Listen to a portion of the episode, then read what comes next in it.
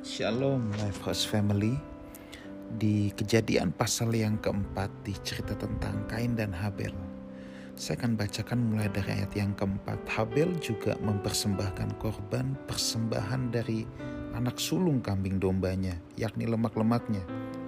Maka Tuhan mengindahkan Habel dan korban persembahannya itu.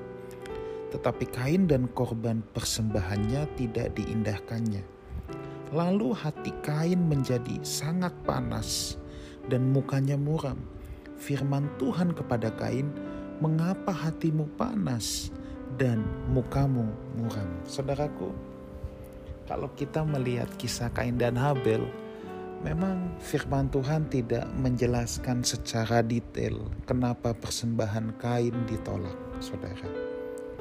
Kalau kepada anak-anak sekolah minggu biasanya supaya simpelnya sering kali dikatakan oh buah-buahannya kain busuk. Tetapi sebenarnya Alkitab tidak mencatat kenapa Tuhan menolak persembahan kain. Melalui penafsiran-penafsiran kebanyakan orang berkata bahwa sebab kain tidak mempersembahkan yang terbaik.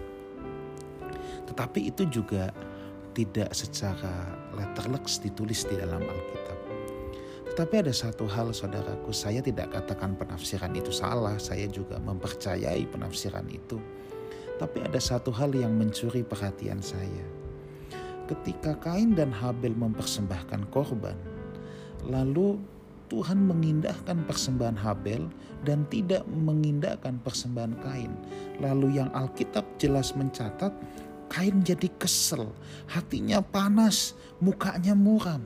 Lalu Tuhan tanya, mengapa hatimu panas dan mukamu muram? Saudara, tujuan ibadah, tujuan persembahan itu kepada siapa saudara? Kepada diri kita atau kepada Tuhan? Kalau kepada Tuhan yang berhak untuk menyatakan senang atau tidak senang, seharusnya juga Tuhan saudara. Kalau tujuan ibadah kita adalah kepada diri kita sendiri, kita menjadi orang Kristen yang oh iya, kita ikut kebaktian, kita ikut ibadah online, kita dengar khotbah, tujuannya apa? Tujuannya supaya hidup aku diberkati, supaya aku memperoleh ini itu. Oh iya, jelas saja. Ketika kita tidak mendapatkan apa yang kita inginkan, tentu kita jadi kesel dan hati kita jadi panas. Tetapi kalau tujuan ibadah kita, tujuan persembahan kita adalah kepada Tuhan, objeknya Tuhan loh, bukan diri kita sendiri. Ketika Tuhan tidak mengindahkan apa yang kita lakukan, harusnya apa dong yang kita lakukan? Harusnya kita introspeksi, kenapa sampai Tuhan tidak mengindahkan? Bukannya jadi kesel. Loh kan tujuannya memang buat Tuhan, bukan diri kita. Tujuan kita memberikan persembahan, mengembalikan persembahan, beribadah, harusnya kan untuk Tuhan disenangkan, bukan untuk diri kita disenangkan. Kalau untuk Tuhan disenangkan, berarti yang menentukan berkenan atau tidak, persembahan ini diterima atau tidak, itu ialah Tuhan, bukan diri kita. Tetapi kalau objeknya pribadi kita, ya jelas kita yang menentukan bahwa aku senang, aku tidak senang. Tapi sekarang kita sedang berurusan dengan Tuhan, tujuan ibadah kita kepada Tuhan. Maka Tuhanlah sejatinya yang berhak untuk menentukan apakah persembahan ini berkenan di hadapanku atau tidak. Kalau tidak berkenan, makanya Tuhan tanya sama Kain, kenapa hatimu panas, mukamu muram? Memang ini untuk siapa?